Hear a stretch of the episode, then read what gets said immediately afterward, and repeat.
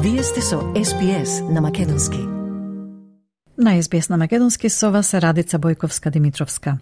Следува извештајот од Македонија во кој меѓу другото ке слушнеме Превирања по лидерската средба кај премиерот Павле Трајанов откри дека 8 пратеници чекаат да станат дел од власта.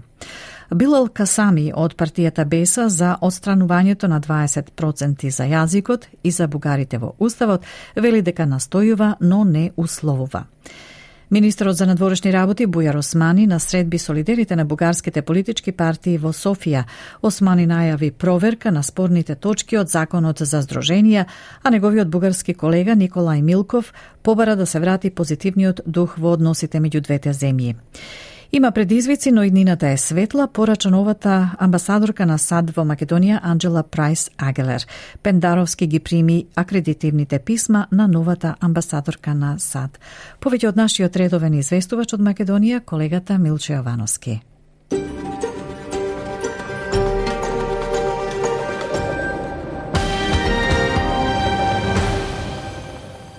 Од собраниската говорница, координаторот на пратеничката група на ВМРО ДПМН Никол Чемицески рече власта нема мнозинство за уставни измени, затоа најдоброто решение е парламентот се распушти по неуспешната лидерска средба. Власта нема мнозинство за уставни измени, затоа што одредени забелешки на вчерашната лидерска има и одредени представници од владеачкото мнозинство и следствена одлука на ова се тоа е да се распушти парламентот и да одиме на предвремени избори и тоа ќе биде еден вид референдум за сето ова што власта го турка.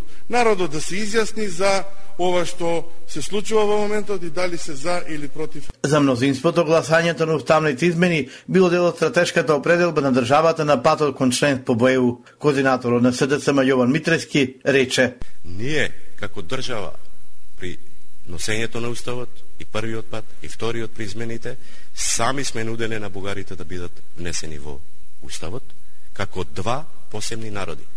Тогаш не се случило тоа затоа што вие и, ја, и сите граѓани ја знаат, го користам зборот мантра, дека во две држави живее еден народ. Уставните измени согласно роковите и процедурите најбрзо би можеле да се случат за 4,5 месеци, потврди собранискиот спикер Тала Джафери. Поред деловникот, таа процедура има соодветни рокови и соодветни фази и цирка искуствено од претходните уставни измени, минимумот би бил некаде 4,5 месеци до 6 месеци во зависност од бројот на амандмани и во зависност од тоа дали ќе трае дебатата по амандмани онако како што е пропишено во крајни рокови или ќе се оди во минимални рокови. Тоа е више техника. Осум пратеници од опозицијата чекаат да влезат во владеачкото мнозинство, изјави пратеникот Павле Трајанов по лидерската средба, алудирајќи на пратеничката група на Алијанса на албанците. Цитирам, со мене или без мене, владеачкото мнозинство топ не го бие, затоа што има уште една партија од опозицијата која има 8 пратеници и чека да биде дел од мнозинството, изјави Трајанов во врска со темата предвремени парламентарни избори. Председателот на движењето Беса Билал Касами оценува дека премиерот Димитар Ковачевски со спекувањето на средбата на лидерите на парламентарната партија ја спасил Дуј од отчет на тркалезната маса на албанските политички партии, што движењето Беса ја свика непосредно пред Ковачевски.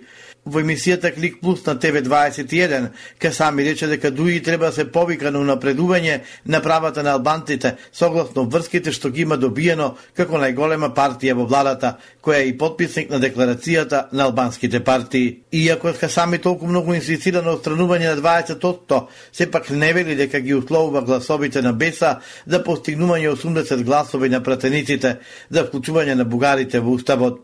Цитирам, За нас ово прашање не е дискутабилно, но за нас е важно да имаме договор со СДСМ дека во првиот момент кога ќе се отвори уставот ќе го решиме и албанското прашање, вели Биделка Сами.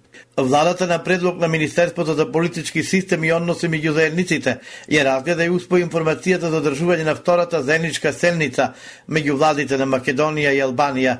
Седницата е предвидено да се одржи на 14 ноември годинава во Скопје. Во рамките на работната посета на Софија, министерот за надборешни работи Бујар Османи оспари средби со лидерите на главните политички партии представени во Народното собрание на Република Бугарија. Бојко Борисов од ГЕРБ, Кирил Петков од Продолжуваме со промената, Мустафа Карадај од Движењето на правата и слободите, Корнелија Нинова од Бугарската социјалистичка партија, Христо Иванов од Демократска Бугарија и Стефан Јанев од Бугарски подем.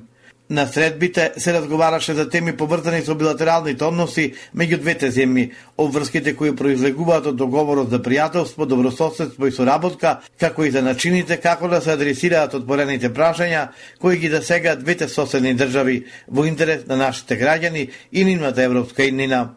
Министерот за надворешни работи Бујар Османи најави дека законот за имење на здруженија кој беше донесен во собранието ќе предложи да биде испратен до Венецијанската комисија за да се утврди дали е спорен.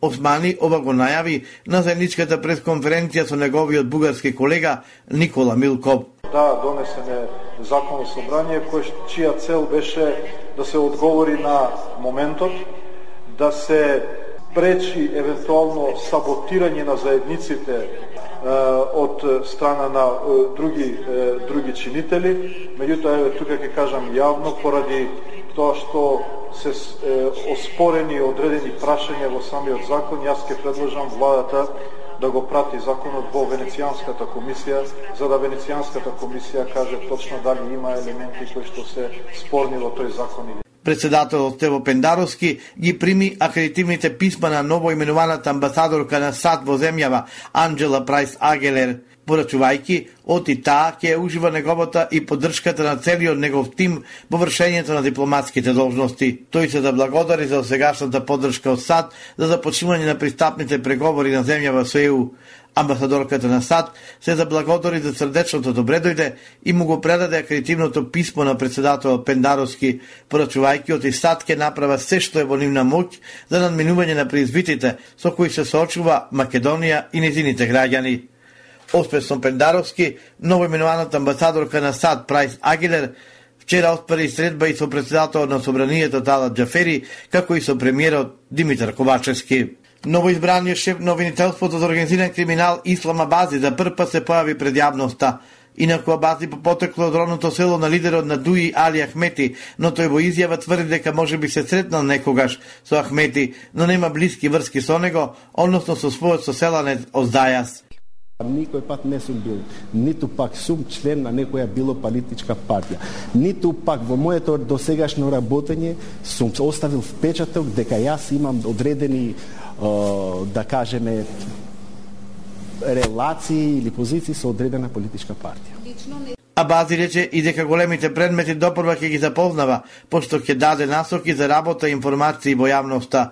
Најави дека тој ќе биде раководител и ќе работи заедно со сите обвинители во основното јавно обвинителство за гонење организиран криминал и корупција.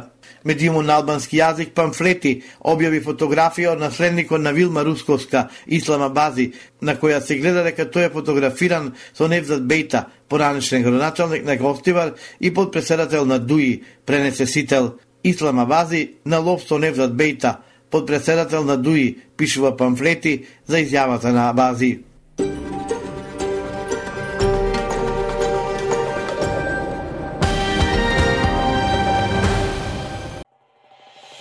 Сакате ли да чуете повеќе прилози како овој? Слушате подкаст преку Apple Podcasts, Google Podcasts, Spotify или од каде и да ги добивате вашите подкасти.